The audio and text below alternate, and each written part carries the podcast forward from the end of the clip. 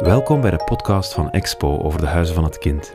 In deze podcast is professor Sarah Willems van UGent aan het woord over de rol van de Huizen van het Kind in het wegwerken van gezondheidsongelijkheid. Centraal bij de Huizen van het Kind staat de samenwerking. Ehm, de, de samenwerking tussen actoren op het, op het terrein, op de gemeente, op de regio en de actoren die ook die regio zeer goed kennen. Um, en ik denk dat dat het essentieel is. En ook de grote sterkte van de Huizen van het Kind. Dat het, dat het een samengaan is van, van actoren die echt wel weten hoe het draait, wat er leeft in een gemeente, wat er, um, wat er belangrijk is, waar er nood aan is.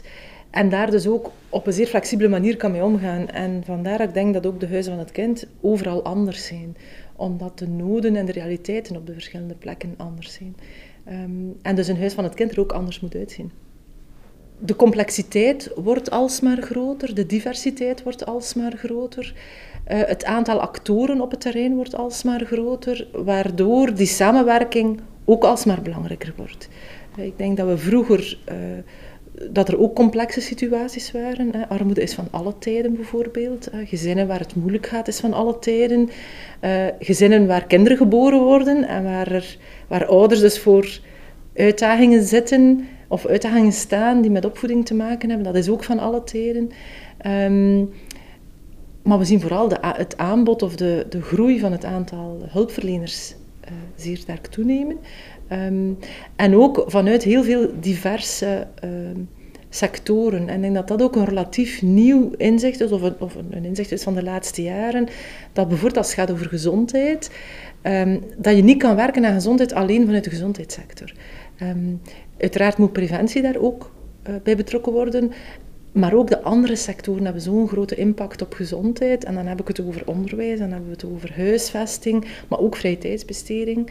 Um, ouders, gezinsbegeleiding, hoe mama en papa met elkaar omgaan, heeft een impact op de gezondheid van het kind.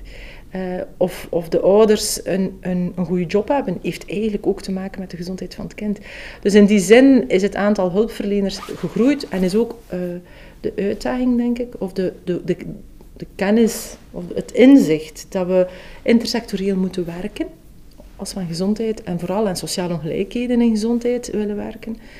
En dan denk ik, dat kan je maar doen door, door te gaan samenwerken tussen die verschillende sectoren.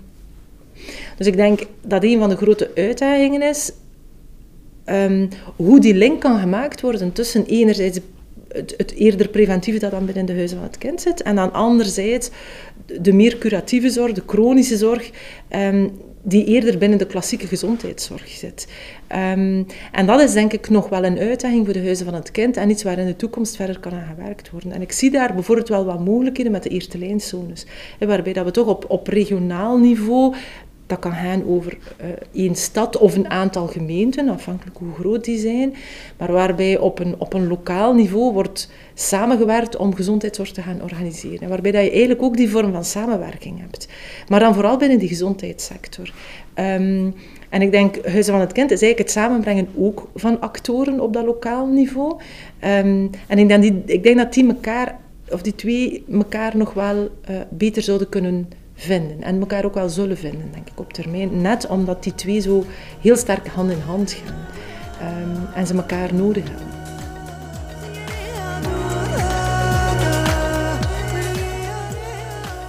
Ik denk een zeer grote sterke van de Huizen van het Kind is dat ze net voor iedereen bedoeld zijn. Dat, dat alle gezinnen daar welkom zijn. En een eerste belangrijke reden daarvoor is omdat je op die manier stigmatisering tegengaat. Als, als je het voor iedereen openstelt, wil dat zeggen dat of gezinnen waar een probleem is, dan, uh, dan kunnen die gezinnen misschien wel met de vinger gewezen worden op het moment dat ze inderdaad die deur binnenstappen. Hè, want dan is het een probleemgezin.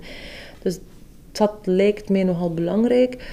Ten tweede vermijden we denk ik op die manier dat een aantal gezinnen waar we in eerste instantie niet aan denken dat ze misschien ondersteuning nodig hebben, dat zij uit de boot zouden vallen. Want uiteindelijk kan de nood aan opvoedingsondersteuning of ondersteuning bij preventieve zorg of opvolging van een, van een kind kan in elk gezin relevant zijn. Of, of daar kunnen zich in elk gezin problemen voordoen. Dus in die zin vind ik dat wel heel belangrijk.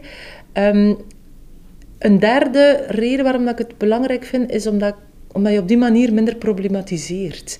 Uh, naar, naar het huis van het kind gaan wordt op die manier bijna iets dat hoort bij een gezin met een jong kind. Het lijkt mij belangrijk dat huizen van het kind zeer goed nadenken over hoe dat ze die laagdrempeligheid kunnen behouden. Um, en het koppelen van een huis van het kind aan een andere voorziening die niet noodzakelijk uh, duidt op een probleem, lijkt mij daar een zeer goede zet te zijn. En uh, bijvoorbeeld aan een bibliotheek, of bijvoorbeeld aan een spelotheek, of aan een al is het maar gelokaliseerd zijn op de plek waar ook een speeltuintje is, waar ouders ook gewoon langskomen om op een bankje te zitten.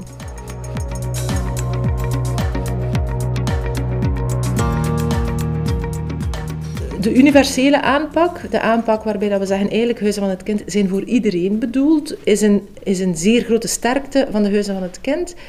Um, maar tegelijkertijd is het ook heel belangrijk dat er een bijzondere aandacht is voor die gezinnen die toch wel wat meer nood nodig hebben. En misschien is het wel belangrijk dat een huis van het kind voor die groepen um, wel wat extra aandacht heeft en ervoor voor zorgt dat zij toch uh, misschien wel wat actiever worden toegeleid bijvoorbeeld. Of dat het huis van het kind bij hen toch wel heel um, goed onder aandacht wordt gebracht of bekend wordt gemaakt, omdat ze het misschien anders minder zouden weten dat het er is. Um, en dan misschien ook zinvol is dat uh, de aanpak ook wel wat differentieert. Dus het wil niet zeggen, omdat het universeel toegankelijk is en omdat iedereen er welkom is, dat hetgene wat je aanbiedt eenheidsworst moet zijn. Um, ik denk dat eens een gezin uh, over de drempel stapt van een huis van het kind, dat het heel belangrijk is dat er op maat wordt gewerkt, dat er wordt gekeken van wat is hier de nood van het gezin. En daarbij kan het zijn dat de, de bestaande zorg of het bestaande aanbod dat er is, dat, dat het meer intensief wordt aangeboden bij bepaalde gezinnen. We gaan, we gaan wat meer contact opnemen, um, we gaan nu wat meer zien, we gaan het kindje wat vaker zien enzovoort. Of dat er andere dingen worden gedaan die beter aansluiten bij de nood van, van dat gezin. Um, en die andere zorg, dat kan gaan tot zelfs zeer ver outreachend werk. Hè, waarbij dat je als hulpverlener niet meer je deur openzet en zegt van kom maar bij mij. Maar waarbij dat je als hulpverlener voor bepaalde gezinnen uit uw bureau en uit uw huis van het kind zult moeten stappen en naar het gezin zal moeten toestappen. Um, en, en dat lijkt mij heel erg belangrijk. Dat zo'n huis van het kind een open deur heeft en een hele lage drempel, maar eens binnen dat er, dat er zorg op maat wordt gegeven.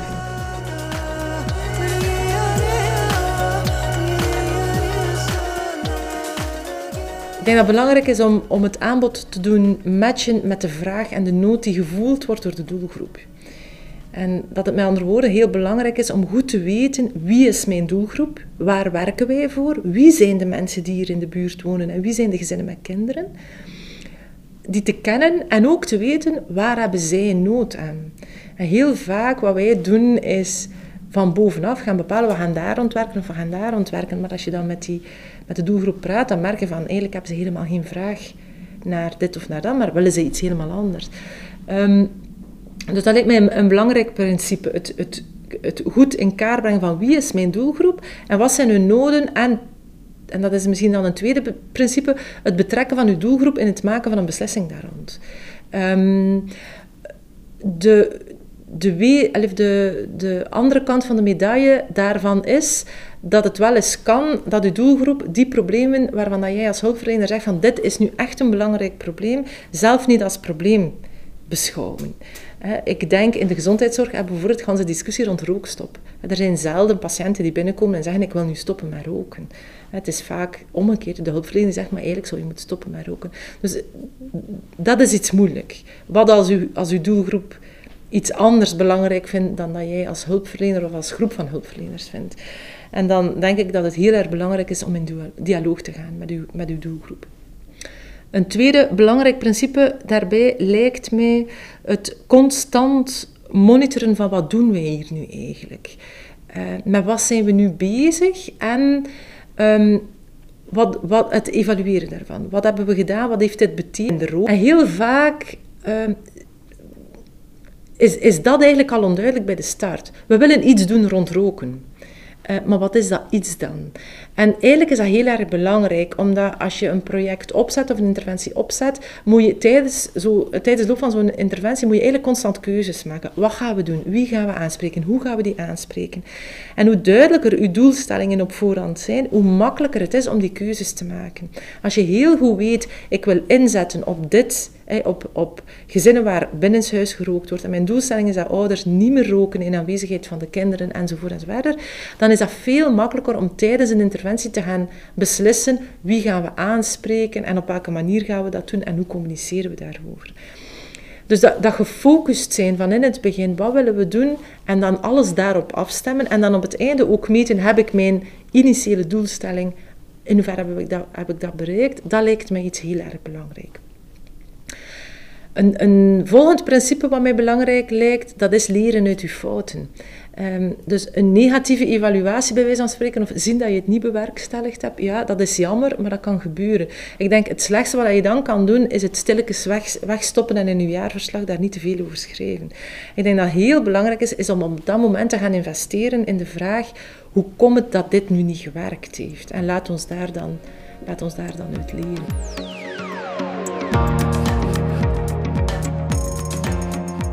Hoe gaan we toekomstige hulpverleners een attitude aanleren? En ik, ik gebruik heel bewust het woord aanleren, die uh, afgestemd is op de zeer diverse context waarin dat wij terechtkomen. En dus een van de dingen die daar heel belangrijk is, is het, is het kunnen aannemen van een professionele, want het gaat over een professionele context, maar dus het aannemen van een professionele attitude um, rond diversiteit. En waarbij vooral die um, multidiversiteit heel erg belangrijk is. Hè. Het gaat niet meer over de Turkse mama of het gaat niet meer over de kansarme mama, maar het gaat over de Turkse mama die hoog opgeleid is, maar hier niet kan werken en uh, er alleen voor staat enzovoort enzovoort. Dus die, die, wat wij dan noemen die intersectionaliteit, hè, waarbij dat je een, het samenkomen hebt van verschillende identiteiten binnen één, één iemand, dat, dat is zeer uitdagend hè, om daarmee om te gaan en daar, daar moet je getraind worden.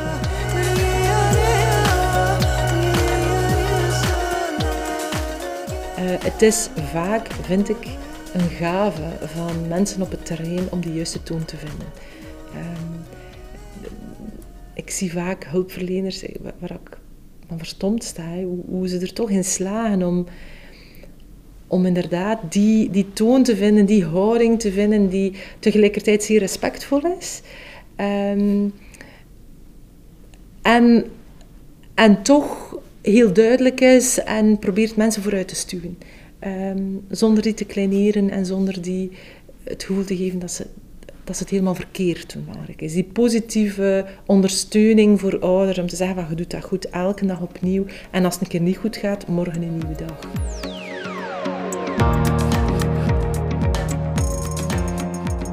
De maatschappij wordt steeds complexer, um, maar als er iets is wat iedereen belangrijk vindt, dan is het de gezondheid en het welzijn van hun kinderen. En dat is iets dat, dat mensen samenbrengt en wat, en wat, een gedeelde sociale identiteit is, hè, die wij hebben als, als gezinnen met kinderen. Uh, en ik denk dat dat misschien wel iets is waar Huizen van het Kind nog meer kunnen op inzetten. Op het, op het delen van, van die identiteit en het elkaar ondersteunen en ja, het creëren van een, van een warme samenleving. Hè. Ik heb bijzonder veel waardering voor de mensen die inderdaad op het veld het elke dag doen, wat wij als wetenschappers en academici zeggen wat zou moeten gebeuren, maar zij doen het.